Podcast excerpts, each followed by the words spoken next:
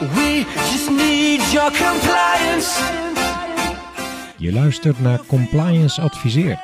Deskundigen vertellen over compliance en integriteit bij Nederlandse financiële instellingen. We just need your compliance. Credit card acquirers and credit card issuers need to comply with laws applicable to all payment institutions. But processing credit card payments on behalf of merchants or issuing credit cards to consumers requires additional compliance. Compliance with credit card scheme rules. Rules imposed by MasterCard, Visa, Diners, and other credit card schemes. And yes, this can be an additional responsibility for compliance professionals. Understanding these scheme rules and ensuring the acquirer or issuer complies with these rules. Let's find out what that means in practice. Simone Aurigi has a broad experience in the payment industry. He started his career in 2007 in the UK at First Data Corporation and had subsequently several roles as head of risk and roles in supervisory boards of several payment institutions, including European Merchant Services, PayU, MasterCard, after which he became a consultant and some of his clients are Payment Sense, Mollie and BitSafe. Now he's willing to tell us more about credit card schemes and we're very happy to have you in the podcast, Simone. Hi, Eric. Thank you. I'm very happy to be here as well. What do you recall as the most impactful experience in the payment industry? Something you'll never forget and that taught you a lot? Yeah, if I go back to my early years, the possibility to experience uh, the payment uh, function as a service to existing banks has been something that really helped me uh, to form my view about payments and to learn a lot about them without being specialized into a single bank. I started my career with First Data Corporation indeed, and back then they were providing many, many different payment services to a, a large number of different uh, banks. And uh, it was uh, I call it the University of Payments for me because it was really a great way to learn a lot about uh, how payment works in different markets and in different uh, institutions. Because and, and, and, what did you learn about that? That it's different everywhere. That there is no one fits all measure because the the beauty of payments is that they really need to be tailored to the consumers, to the markets where they operate, and so what I was doing for the Italian bank was different from what we had to do for the UK bank, which was completely different from what the American banks were doing back in the US because First Data used to be today's Fiserv. Uh, they they are an American centric uh, company, but they were providing uh, services all over the world in different markets, and so you learn very very quickly that uh, it's not the same for everyone. You mm. really have to be specialized to have a solution for the market and the consumers where you operate. What is your experience with the risk and compliance profession? Yeah, I've been spending more than 15 years now in risk, and I always worked with compliance as my sparring partner. Uh, compliance.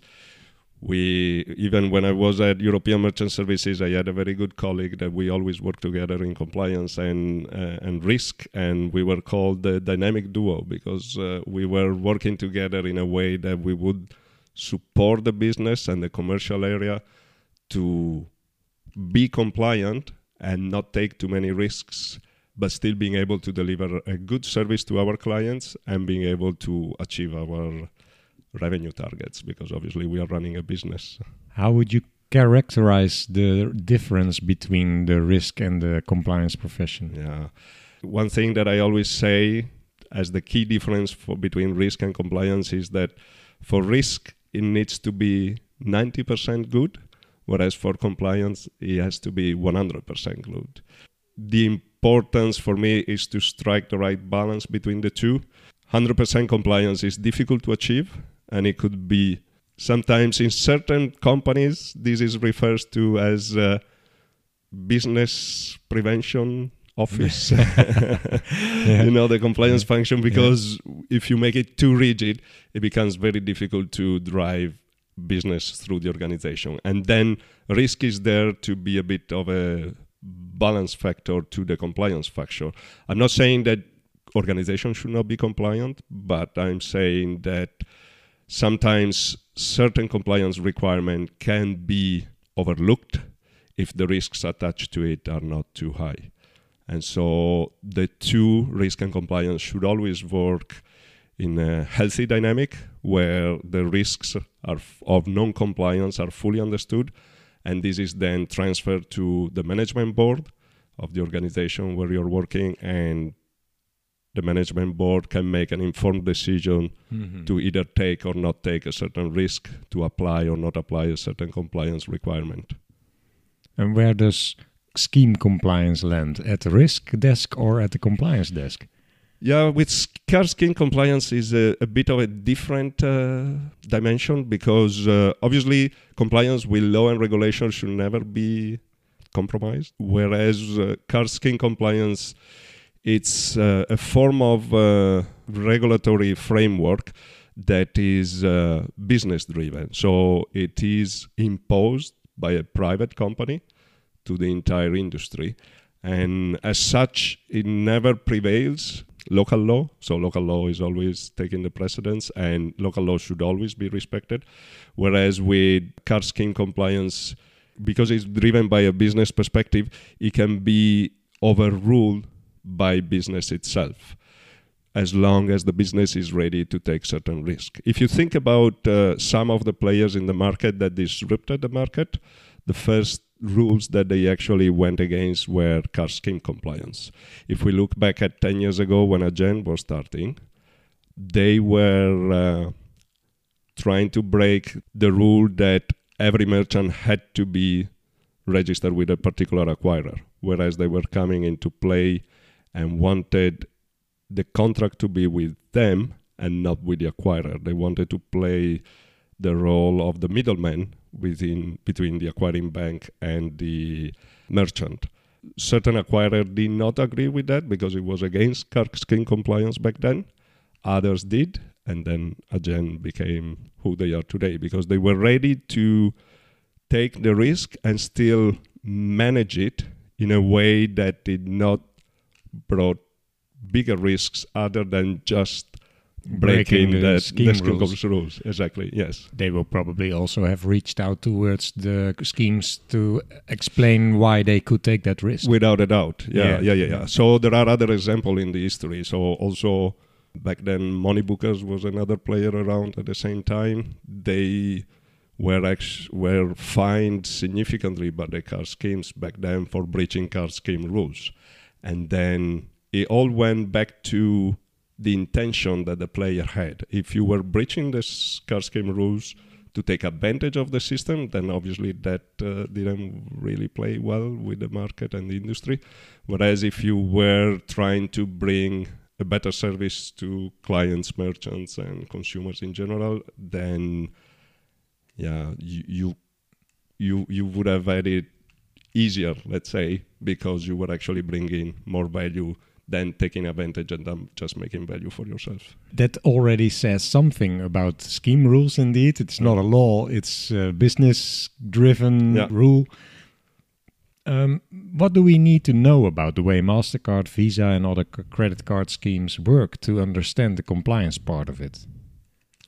So it is important to remember that indeed they are businesses as well. They are stock listed, so their driver is shareholder value. So they will try to make as much money as possible, like most players in the in this space. Card scheme rules sometimes are applied to defend that value. It is, um, for instance, back in the years there was the area of use, which is still in place as a card scheme rules, where certain players cannot operate within market where they are not licensed or where they are not registered.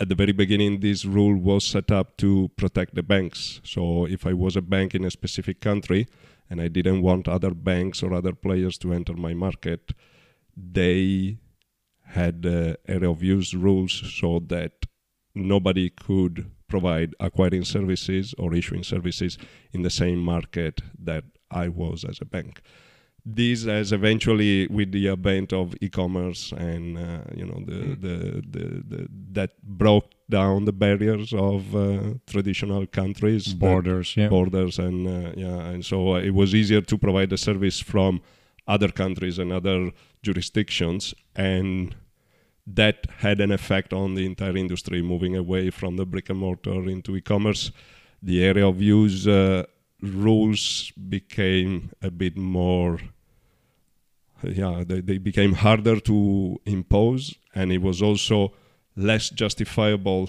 to provide a, you know a, a- specific ser- service to somebody in a certain country Which was different from another country. Yes, Yeah. exactly. Yeah, and and this I have to say it helped. The fact that the the area of use rules were, were less strong than they w- used to be in the past allowed the e-commerce market to boom actually because then uh, good market good players uh, could provide better services to merchants that otherwise would have been left with poorer services offered by local players. hmm Yeah, that's one of the bigger developments in the payments scheme world, I think. Yeah. Can you take us briefly through the history of credit cards? Yeah, it starts very much back in the 60s, I believe, in California, where uh, I don't recall now if it was Bank of America or another American bank. I think uh, it was. It was Bank of America, wasn't it? Yeah, that uh, started providing. There were uh, a lot of um, merchants or uh, let's say businesses that would provide credit to their clients, and so if you were a butcher, you would have uh, a book. You would take note of people that would buy meat from you but not pay you. And so you would extend credit. And uh, this type of business i mean it was normal even when i was a kid back in italy when i was going to buy bread for my grandmother she would say oh just tell them to write it down. And then And we'll see when we yeah and then eventually she would pay the bill at the end of the week or at the end of the month. And so many many businesses back then were used to extend credit to consumers. Also because it was a very a very local service. It- this was a time where every small business knew exactly who their client were and where they lived. Mm-hmm. and so they were able to give credit because you will see the person every day or every week. What the banks did went into these businesses and said okay if you want to have this removed because it, it becomes difficult to manage you know it's uh, you need first of all to keep Yeah, record of it yeah, keep it's a books risk. uh, Yeah. yeah it's a risk if people then don't pay so if you want to have this removed i can take that away from you and i can manage your credit book for Ah. you Yeah. and that is where the whole idea of providing credit cards started. It, it then evolved into what we see today, but it took a long time. So i i this was obviously done at the beginning as a service from a bank to uh, to local businesses. It then also became more convenient for consumers themselves because then all of a sudden I was recognized in any shop that would accept a specific card or a specific Mm. brand and Mhm. not just my local butcher or my local restaurant, let's say. Yeah. So this evolved into a service that was very beneficial for both sides, the merchant side and the consumer side, and it continued to grow as a service that many many banks would provide, and then we got to the stage where companies like First Data indeed started taking this service away from the banks because then all of a sudden it was no longer because then like every everything we we grew the, the, the industry grew to a point where the bank did not have a viable solution for this anymore because it was easy to manage until it was on a smaller scale but then the power was indeed on being able to have the card accepted in as many locations as possible In your Yeah. story till now, you said the bank. Is that the same as MasterCard Visa? Are they banks? they are not banks today for sure No. No. So that is where, uh, yeah, also MasterCard and Visa grew out of, uh, so they were providing certain services and then they became uh, A, a business a on business their own. on their own. Yeah. Yeah. And even today, they are completely different than what they were 40, 50 years ago. Uh, and uh, because it's, um, yeah, even the names are different. But uh, the, the evolution was to remove themselves from the actual process and push it down to other players. And so First Data was providing services to banks and the schemes themselves to be able to operate a system that would have not existed without the technology offered at the time by First Data itself. So First Data back then was actually really a technology-driven Yes.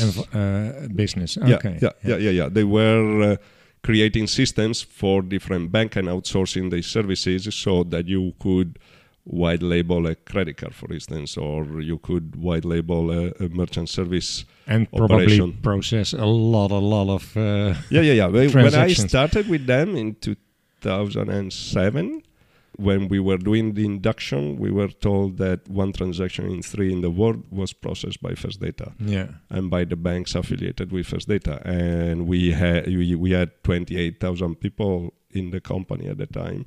The funny thing was always uh, when I first started, I would say that I worked for a credit card company, and everybody was asking if it was Mastercard or Visa. I always say, yeah, no, you don't really know how it works No. in the background because there is a complete. Uh, yeah, there is a word uh, behind uh, that makes it work. You know, today you just touch the card on the terminal Mhm. or on a phone or whatever, and it's uh, it just works. But is that But- created by First Data or by Mastercard Visa? Yeah, no. So back then, First Data created the technology allowed by the rules that were implied. So with the birth of e-commerce, it became harder and harder for players like uh, First Data or the traditional banks to provide a service that was fitting the e-commerce needs, and more and more players were born that were even more technologically advanced, so that you Mhm. could operate in the internet and uh, and offer services in real time to anybody anywhere in the world, and that's why companies like Adyen or like Mollie today, other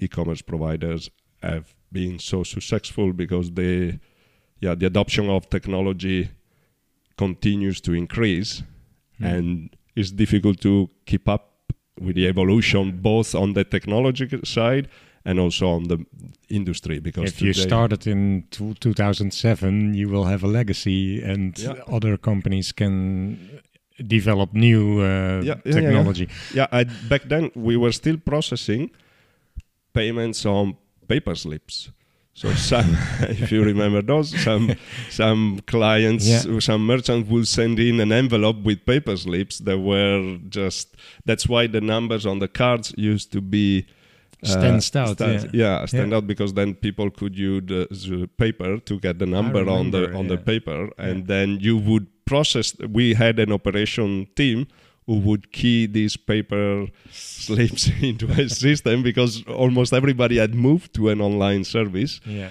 yeah.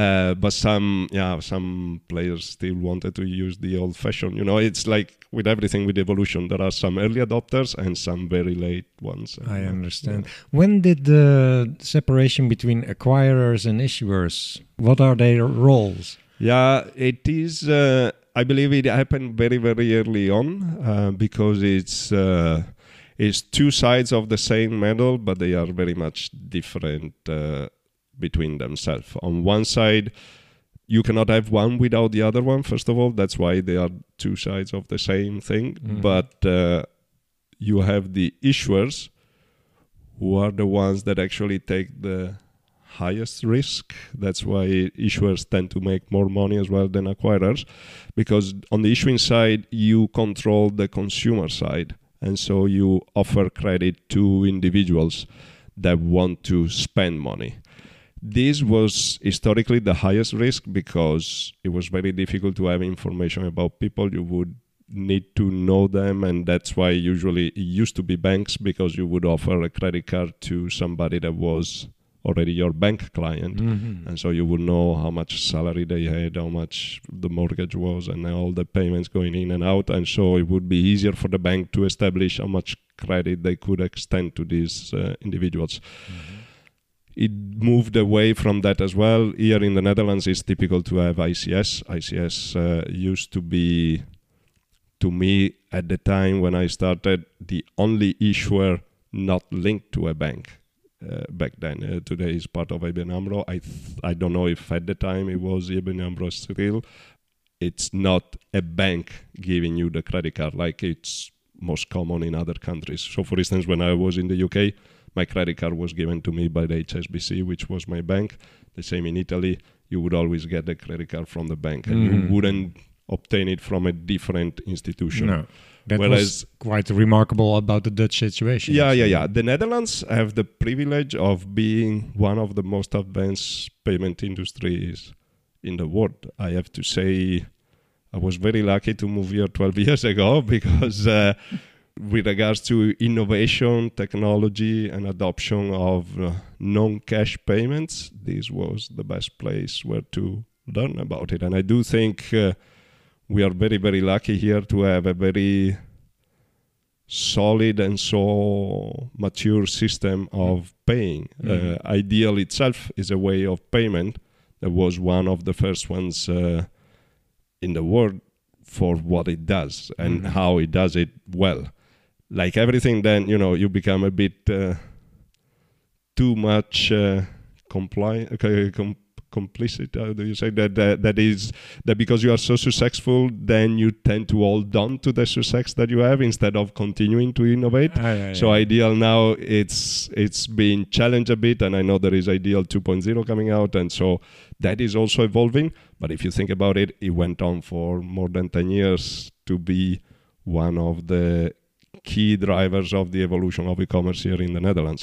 yes. Even though it provided less guarantees to the consumers Yeah. compared to credit cards, because Yeah. the beauty about credit cards is that your purchase is always guaranteed to you. If you buy something that is not delivered, then you can ask the money back from your credit card company. yeah. You cannot do the same with iDEAL. No. Once you send the money, You're the money is gone. You're sure. But that is uh, is playing to a very peculiar Dutch trait of not spending money that you don't have. So Hmm. with iDEAL, you always pay out of your own pocket, whereas with a credit card, you tend to pay out of money that you still don't have. Interesting. still, uh, yeah. These it is- kind of developments are mostly driven by cultural differences, Yes. isn't it? Yeah, that is why I was saying at the beginning that uh, Yeah, those different, different markets. markets play in the, the payments are very peculiar to the markets where they are born and they some of the peculiarities are driven by the culture of the population like for instance then I went on to because I worked uh, primarily on credit card acquirings in Western Europe and uh, and the US markets. Yeah, so I was very familiar with the Western payment systems. And then when I went to PayU in 2014, I started working a lot more with emerging markets. And then you realize how different it is in other markets. So, for instance, in Brazil, you would have Boleto, which was one of the most popular ways of paying, but it still meant you had to download a form, go to a shop, pay at a shop with cash, and then it's something that here in the Netherlands it would have never worked because it would be just too complex and Yeah. too difficult to make. Whereas Yeah. it was one of the most popular payment methods there Yeah. compared to to the normal industry. And another difference with the South American markets was also the acquirers. They pay out at 30 days. A merchant. So to 30 protect days, you 30 to- days, yeah. You have to That is- for payments. yeah. So the pro- payments are processed today, but then the disbursement of the funds is done a month later because they want the acquirers themselves. This was back, yeah, a few years back, but then they there was not really much of a trust between the merchants and the acquirers themselves. So the acquirers were processing the payments, and then the money would only be paid out once the service was given. Mhm. Whereas here in Europe, especially, I mean, now today with, with the regulations that we have in place, everybody is obliged to pay next day, and uh, and you cannot really hold on to the funds unless you have a specific reason because there is fraud happening or because there are certain risks attached to it. But you cannot keep the money for yourself. The Mhm. money are the money You of have the to pay to the you have to merchant. pay to the merchant. Yes. I see. Well, those are some cultural differences. That's interesting, and we have a better idea of, better understanding of what issuers do. They issue Yeah. the cards to the consumers. Yeah. Can you tell us more about the role of the acquirer? Acquirer, you already yes. mentioned. yeah, yeah, yeah. That is indeed the other side of the coin, and uh, the acquirer, which is my entire experience. I always work on the acquiring side. The acquirer provides the services to the merchants. So, any website or any shop where you want to buy something, it's then registered with an acquirer uh, for them to be able to accept credit cards, authorize and clear the payments through through the systems, and then the acquirer collects all of these funds and pays them out to the merchant. The risk on the acquiring side is that uh, the financial risk is attached to the fact that all these payments are guaranteed for the consumers. And so, whenever the merchant is not delivering the service, each one of us, when we buy something with a credit card, if we order a laptop online and the laptop never arrives, and then we try to call the shop where we bought it and nobody answers the phone, we can go to the bank, to our issuing bank, and ask for the money back. The issuing bank gives us back the money because we never received the goods and goes to the acquirer and asks the money from the acquirer. the issuer goes to the, The acquirer. acquirer, yeah. The issuer goes to the acquirer. The acquirer gives the money back to the issuer, and then the acquirer goes to the merchant. If if the merchant is A lot of there, communication yeah, challenges. yeah, yeah, it works very well when everything is done through reliable parties. But then obviously there are some instances where uh, somebody will just set up a shop. There are two ma- major cases. Either somebody set up a, fro- a shop to defraud people, but then if you did buy with a credit card, you're still guaranteed, and so you will get the money back as a consumer. And at that point, who's left to to pay the bill is the acquirer because the mm-hmm. acquirer didn't go, do a good job in recognizing that the merchant was a fraudster because it's their responsibility. Just like the issuer will lose the money on the consumer if the consumer doesn't pay the credit I card see. bill. Tho- So- those are the main risks for the acquirers and the and issuers. the issuer, actually. yeah, yeah, yeah, It's the financial risk. yeah. Then obviously you have all the risks linked to compliance I with understand. integrity Yeah, and uh, yeah. But we were first going through the financial risk financial risk. Yeah. and understanding the world of the compliance. Why? Why did they choose to? Uh, I mean, I assume that Mastercard uh, or Visa or the schemes decided to have acquirers and issuers working for them. Yeah. Yeah, well, the beauty of the system is that they pull themselves out of the equation eventually. So they are only there to guarantee, so they act as a referee. Because they provide the licenses to acquirer and issuers, they mm-hmm. guarantee that the acquirer is operating to a certain standard and the issuer as well, that they all follow the rules, that they all provide a standard service across the world. And and they are paid for that, but they don't actually play that big of a role in the processing part. A completely different thing is American Express. American Express is different from MasterCard and Visa how? because they always are in between the acquirer and the issuer. So the acquiring services are guaranteed by American Express itself, and the issuing services are guaranteed by them also. So whereas uh, whereas with Mastercard and Visa there is a complete split between the two areas, and Visa and Mastercard provide the brand. That's why they call themselves brands. They are just branding the service provided by somebody else. In the case of American Express, is a closed loop. So an acquirer and an issuer for Visa and Mastercard will never know what the same information that is. So the acquirer doesn't know the information of the issuer and vice versa. Whereas with Amex, because it's a closed loop, it is a much more controllable system and it comes with a higher cost because it's harder to put it in place and uh, and it's uh, but yeah i would say for a consumer it actually he's uh, yeah probably a better service if uh, if works uh, if it works uh, properly as expected Would it also make it easier for a compliance professional to comply to Amex rules in co- com- compared to Mastercard and Visa rules? Because Mastercard, or, or I mean, American Express is already near to these cha- uh, payments, and with Amex, as long as you process for them, then the risk and the liability is always assumed by the other, uh, uh, so by Amex itself, and not by the players involved.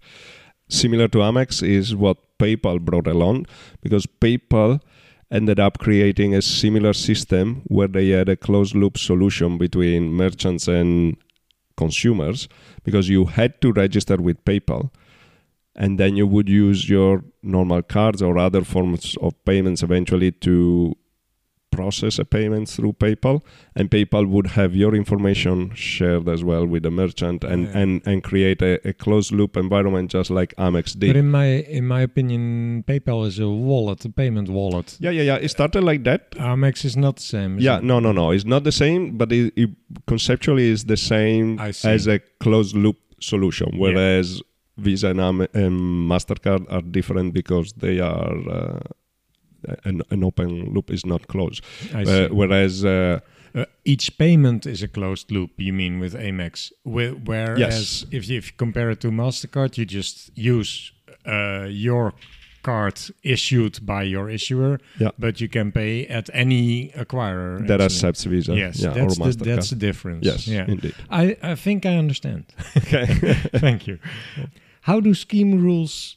Because now we're going to talk about the compliance perspective and not Yeah. really the risk anymore. I think we've explained how the world of schemes and uh, credit cards look, Yeah. isn't it? Yeah, or yeah, yeah, did you want to add something to that? no, I think we covered more than Okay. enough. Yeah, yeah, yeah. It's, uh, Um, how do scheme rules protect us? And I mean consumers. from a financial point of view, a consumer is always guaranteed a purchase. And that's also because of the scheme rules. Yes, Yeah. the scheme rules mandate that, and it's um, that is why personally I would always pay with a credit card and not with iDEAL or a bank transfer uh, or my debit card. Not worried that your credit card det- uh, details are stolen and No. that someone else pays with your credit card details? No, because that is also always guaranteed. Uh, you're always protected from fraud unless you give your credentials away to somebody, because obviously that is a different story. Because Uh, is, if, it's yeah. difficult to prove if you were collusive or not. But then, for instance, you know, the 3D secure password or the one-time token that is become more popular now are ways to make sure that you are the person that is supposed to make that payment. In the past, people could just have your credit card number and use it on your behalf. Still, you were guaranteed if you went to your bank saying, I did not make that purchase, you would be refunded your, uh, your money. okay. Yeah, anyway. Obviously, like any insurance, you can only do it. I mean, if you go every time complaining, then obviously that raises suspects. Uh, but then, uh, if you are a legitimate consumer and it happens that your credential, it happened that your credentials were stolen, you would be guaranteed against fraud and not I have see, to pay the bill. I still uh, sometimes pay with credit card online. I just have to enter that three code on the other side, of the credit card, Yeah. and there is no. Is that 3D secure? No. That was one of the first security measures put in place so that you had to physically have the card with you because the number was at the back. That's CVV or CC, CVC. CVC, yeah. CVC Yeah, and yeah. CVV. The other two card schemes call them differently. Yeah. So it was placed at the back of the card because then if somebody had a payslip, the ones that I mentioned a bit earlier about Mhm. uh, just having the credit card number, they could have processed a payment. Whereas with the additional three digits at the back, processor was sure that you actually had the card with you Mhm. because you, you could only see the back of it if you had the card. Otherwise, with a paper slip, uh, you, you wouldn't be able. I see. If you That- steal, if you steal credit card details online, then you don't have that CVC code, and then Yeah, because it's never it. stored for PCI. Yes. Yeah, so Yeah. The, that was never stored. But then even if somebody took a picture of the card, you you could still have the number, but you didn't have the number at the back. So Mm. that was one of the first way to protect. Then 3D Secure happened, and it was the password.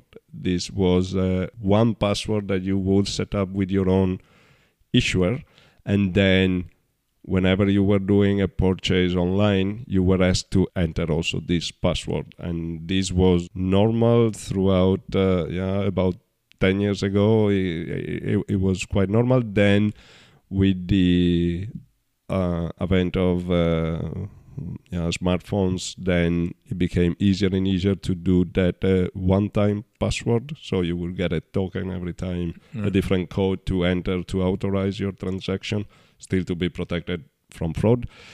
And today, most of them, especially here in the Netherlands, they do it with the app. So if you have uh, a Visa card or a Mastercard from ICS, you would have the ICS app that will make you authorize the transaction yourself directly from On the your app, phone, uh, yeah. on your phone. So yeah, you yeah. need your phone to da- make a payment, Payment, to make yeah. it really safe. Yeah, Yeah. yeah, yeah. All of this is made to protect them against fraud. That's the thing, is the issue.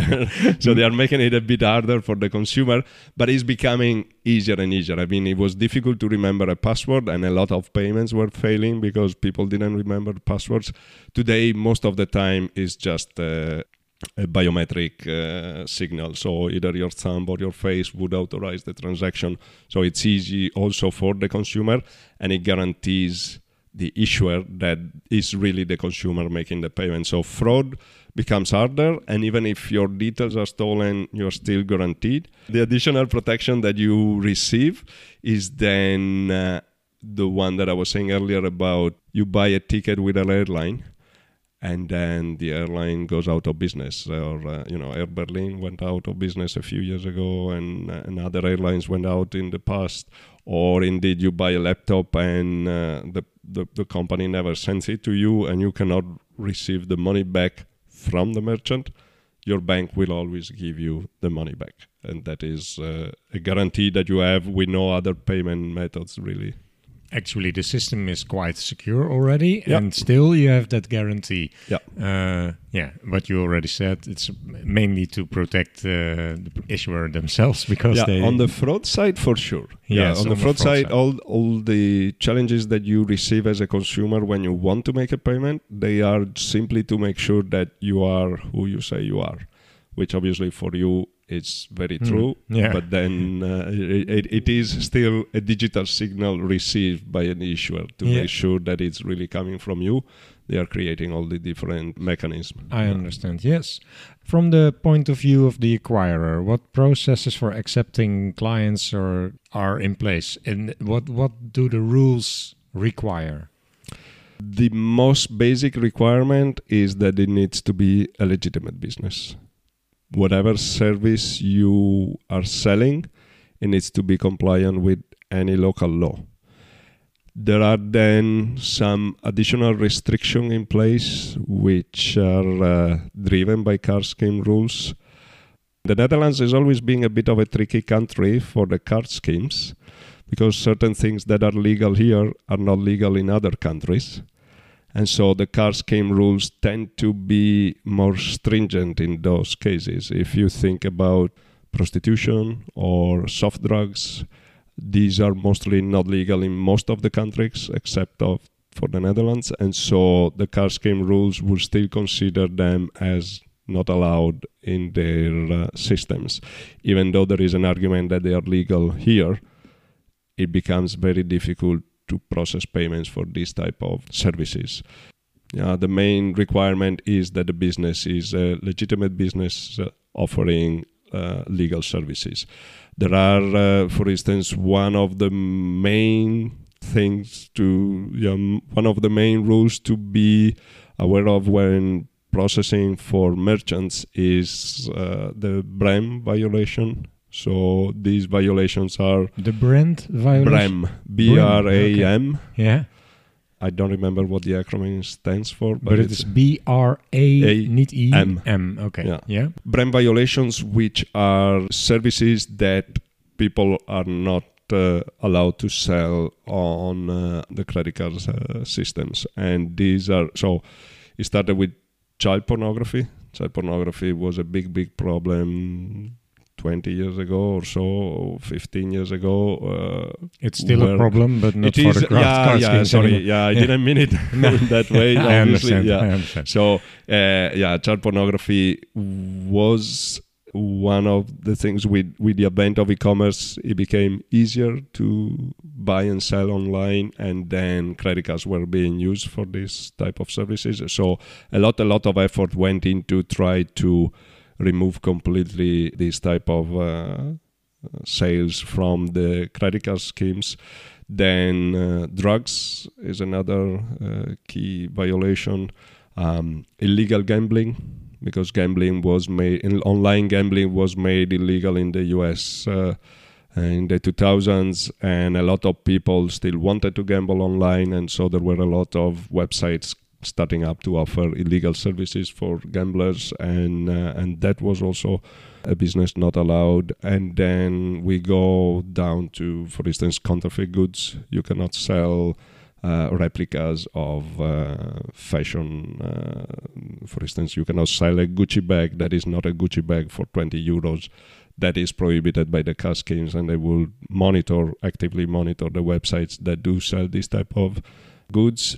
So acquirers are required to uh, check on these goods. If the, Yeah. if businesses are in this type of businesses, then they are not allowed. Yes. Is there also a risk, uh, a balancing act Yeah. there, or Yeah, because like everything, it's um, how difficult do you then make it for all the good merchants? The the challenge is to make the system as safe as possible for everybody, with rules and processes in place that prevent bad players from taking advantage of the system. And it works the same way on the issuing side and on the acquiring side. The challenge is to make it as difficult as possible for the bad ones, hmm. but still as easy as possible for the good ones. That's a challenge everywhere? yeah, in indeed. Yeah, yeah, it is, it is, Yeah, and it yeah. applies to payments, and so that's why you know the password at the beginning on the consumer side it was a good way to prevent fraud, but then it was making it very difficult for individuals to be able to process payments. The same goes on the acquiring side. If you want to onboard a merchant, there are a number of rules that the merchant needs to comply with, and and there are a number of checks that have to be made on the By the website, for instance, acquirer, by the acquirer. Mhm. But then the imposition can be on the merchant to provide this information, or the acquirer can try to source the information from providers that are there to sell this information or to make checks on the website and on the companies that are coming on board. Then, the more stringent these checks are, the more difficult it is for the merchant to obtain an account Mhm, and so the the balance there needs to be found in a way that we still make it difficult for the bad ones but easy enough for the good ones to Mhm. obtain an Yeah. account it's Yeah. uh, Ah, I see. it's the same i applied for insurance the other day it was very difficult it was they asked so many questions because i think so many people tried to scam the insurance Yeah, and yeah. so Yeah. you go through a process that it becomes very hard for you if your intentions are good because they are trying to stop all the ones that are applying for a for the wrong the wrong reasons. reasons, Yeah, yeah. I see. Okay. Yeah. What integrity risks, like money laundering, should be definitely taken into account when assessing integrity risks with credit cards as an acquirer? yeah so Uh, what what I'm really looking for is is there is there a money laundering risk with credit cards from the perspective of the acquirer? there is uh, very much like, Uh-huh. uh, yeah Tell us about is, uh, yeah so money laundering that's the whole purpose is try to reprocess payments sorry money through the system so that they look legitimate I think it's much easier to do it with cash than with uh, online payments or card payments. And so, until we will have cash, we will have a money laundering problem. And uh, the easiest way to move away from it is to make all cashless payment as uh, traceable as possible. And so, that is a good way to try to move away from money laundering.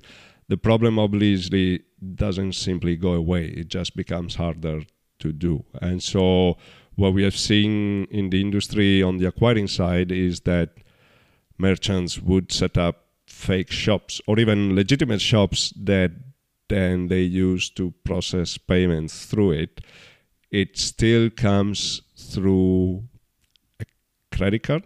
So even the money going into the credit card is uh, it's uh, yeah it's channeled through the payment system in a way that leaves a trace, but then it becomes hard to find it. It's like finding a needle on the haystack.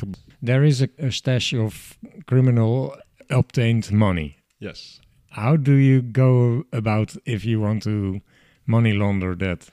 Yeah, you create a legitimate way of registering that money into the system. And so you create a fake shop that generates a certain volume of money going through that justifies you to have an amount of cash that you wouldn't otherwise have.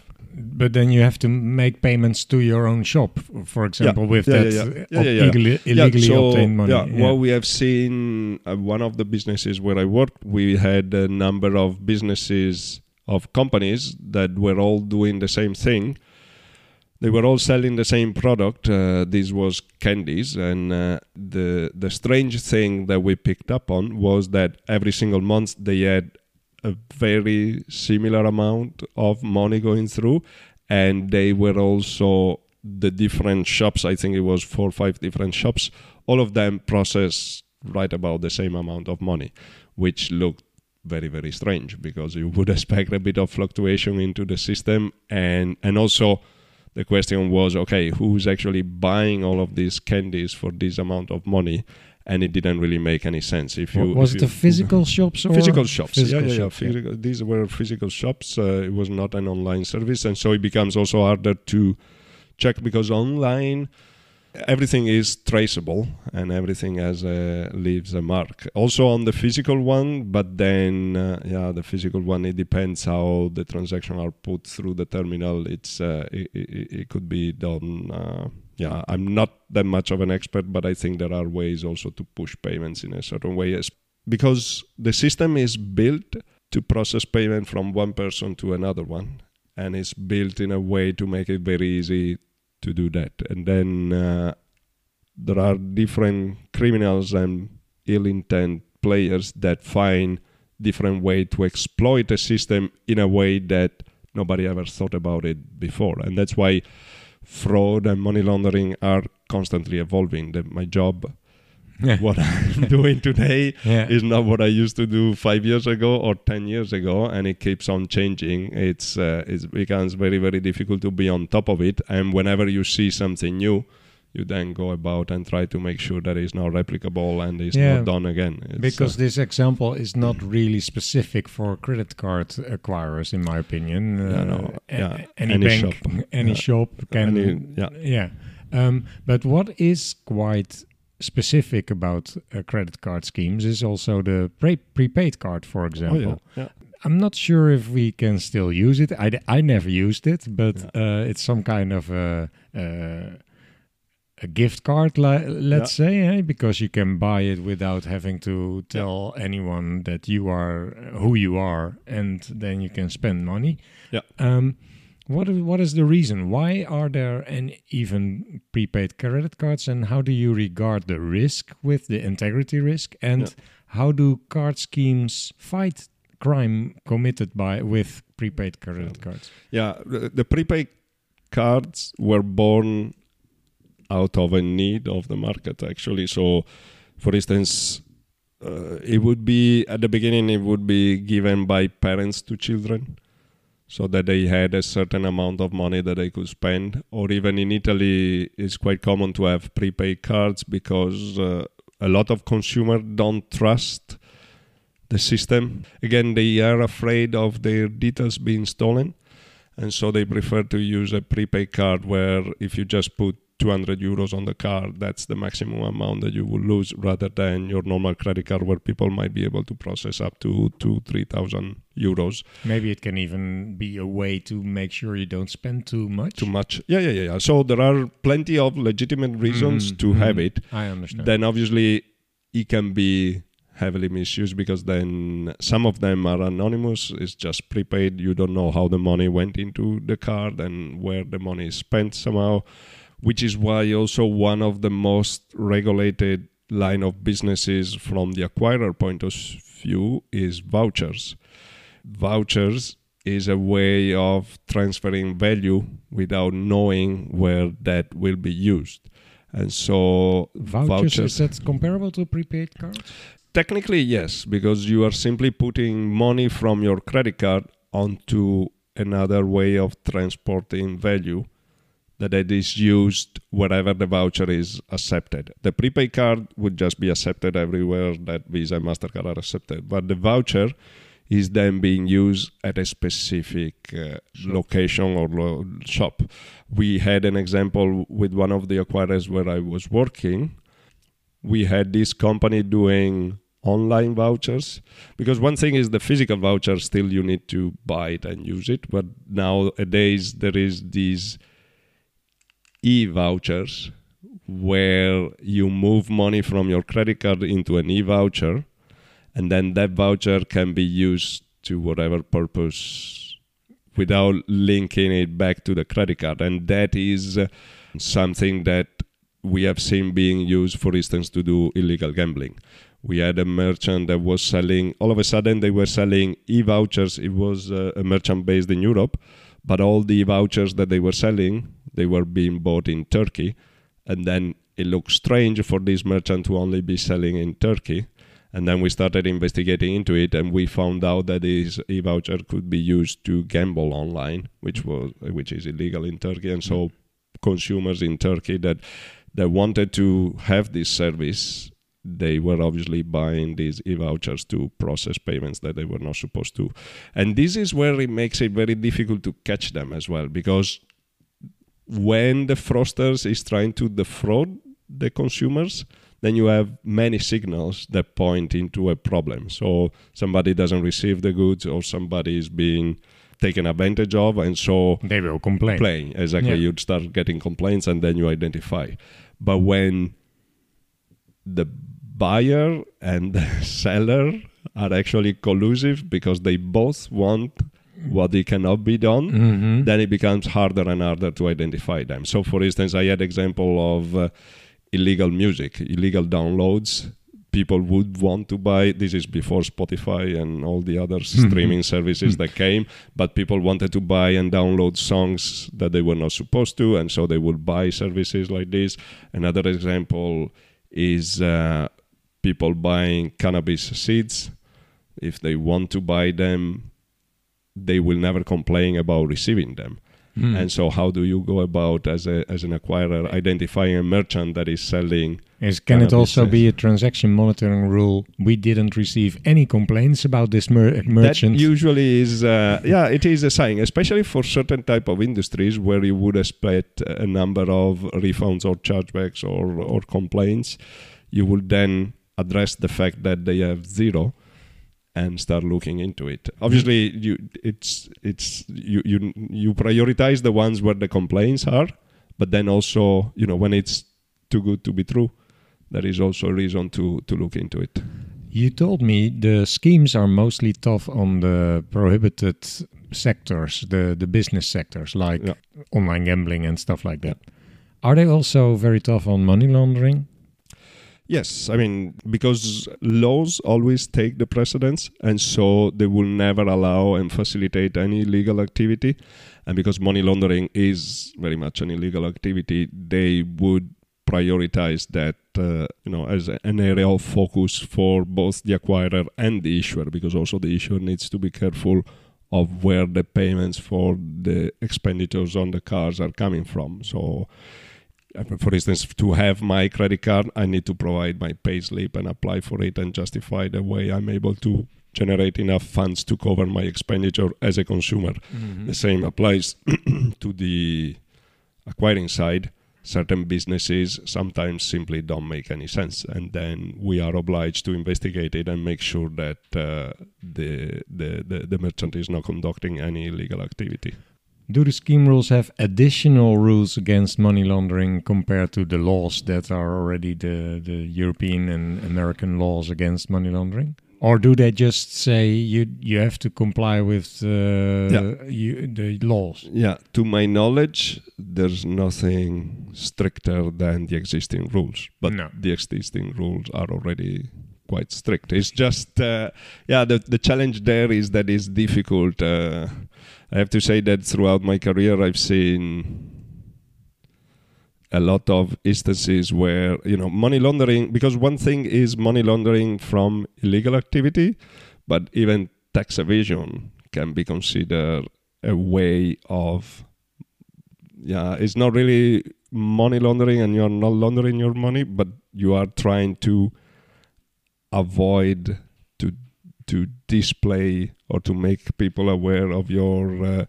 incomes and your your uh, you know the, the the origin of your funds because you want to pay less taxes and that is also a way of breaking the law with the new regulations that are coming along That's true. yeah. and it's uh, you know uh, you've seen the Panama Papers and all Mhm. of that it's but then um, we went from prepaid cards to vouchers uh, Yeah. previously, Yeah. and this actually means that the schemes may also not have additional rules to make sure the prepaid cards are used in a legal way because the laws itself uh, are imposed already. Yeah, so what is mandated there is to make sure that the system is not abused. So also for vouchers, so prepaid cards, but I think it's easier the example of the vouchers. There are certain rules and regulations that the voucher provider needs to oblige with that make sure that those vouchers are not used to for any illegal reason. The same applies to prepaid cards. You I cannot see. use a prepaid card to buy drugs. Mm, Uh, uh, it's okay. or, or to process uh, illegal uh, money and, and but try to there is still a risk that uh, that my illegal uh, illegally obtained money uh, I buy prepaid cards and I can still spend it if I don't spend it on uh, Yeah. drugs. Yeah, yeah, yeah, it is, I don't have uh, any problem with the credit card schemes. If you're not caught no that's the problem. But that is uh, you know it's like uh, if you buy a kitchen knife at ikea and you kill somebody is ikea responsible for that? It's uh, so it's Yeah, I uh, understand. yeah, so the the service is provided to facilitate good business. Um, for sure the schemes and all the players involved do their utmost to make sure that the system is not abused. But What, bad people are bad people it's uh, okay, and what what ways do schemes have to make sure the acquirer and the issuer comply with these rules? fines fines fines and fines it's Yes. uh, yeah it's the easiest way to give But, a but financial penalty But how much information? Where do they get the information to to detect non-compliance? So for instance uh, the example i gave earlier about uh, illegal downloads they will go around and test cards on certain website that they know they're not legitimate to see who's processing that transaction. The example of illegal downloads came from Visa at the time. It was Visa, they found a website where people could download music without having the rights to that music. They received some complaints from the music industry and they then went, they processed a transaction and they realized it was our acquiring business processing that transaction. So they came to us and they said, okay, look, that website is actually doing illegal activity because we did a test transaction with them and we recognize that they are Ah, yeah. doing an illegal download. So this is a way they monitor, but still it came from a specific complaint that they received and then they act upon it and then they went to, to So the- as an acquirer, you only can you can only hope that the complaints will go to you instead of to first. the yeah. Yeah well yeah it- it's uh, so even for that there are businesses around that provide services to scan and monitor the websites to make sure that the website is not doing any illegal activity. So every single acquirer is mandated to have one of these providers in place that would verify on a regular basis that the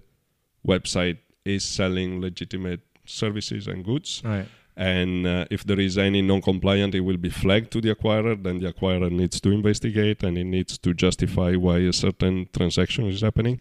But it goes even beyond that. Today they got so good at it the, the bad guys that uh, the, the website might look legitimate and they might even have a legitimate uh, presence but then they push through the same website transactions that are coming through a completely different website as well. But they are able, techno- with the technology that they have, they are able to rechannel this transaction and look it as if it's coming from the right website, and they and that is called transaction laundering, Mhm. like similar to money laundering. The Mhm. transaction laundering is the idea of having an illegal transaction that cannot be processed push through a legal business. so that legal business doesn't isn't really aware of. of- yeah, yeah, yeah. It's either aware or not, but then it's possible both ways, and uh, and the transaction then is is processed with a belief that is is to the yeah for uh, legitimate use. It's a game where you play to make it as hard as possible for the bad guys. misuse, yeah. Yeah, and, and and not too difficult for the good ones. It's, uh, What is your opinion about credit card scheme rules in general and the way these rules are supervised by the schemes? My opinion is that the card scheme rules have been created with the right intentions to be sure that the system is as uh, as good as possible for the consumers and as reliable and trustworthy as possible. So there is no doubt that the whole apparatus of the card scheme rules is there to make it work in a way that uh, everybody can enjoy the services provided by a card payment without taking too much risk on the self, both on the issuing side and, and also on the acquiring side. There are certain rules that are there mostly to protect the system, but there are also other rules that are there to protect the players. If you think back, The uh, players, then you mean the consumers or the acquirers and issuers? the acquirers and issuers, Okay. and as well uh, the the schemes as well. themselves. Ah, the yeah, schemes yeah, themselves. yeah. If you think when the European Union wanted to reduce the cost of car payments, Mhm.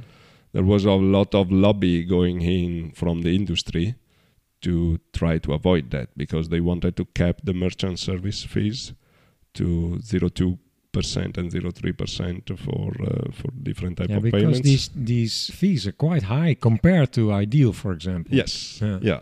iDEAL is just a transfer of value without any check, technically speaking. So that not uh, not completely true. So obviously they check that the money come from a certain place or going to another, but there is no guarantee attached from it.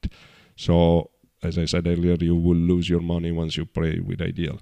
Whereas on the card side, there is uh, the whole guarantee that needs to be provided to the consumer that ob- it's obviously costly So, and that is covered by the, the, the, the merchant fees. so if you are using your card uh, because you you don't want to have any risk, you will be paid back if if you don't get your products. Yeah. You're uh, actually transferring the risk to the merchant, isn't it?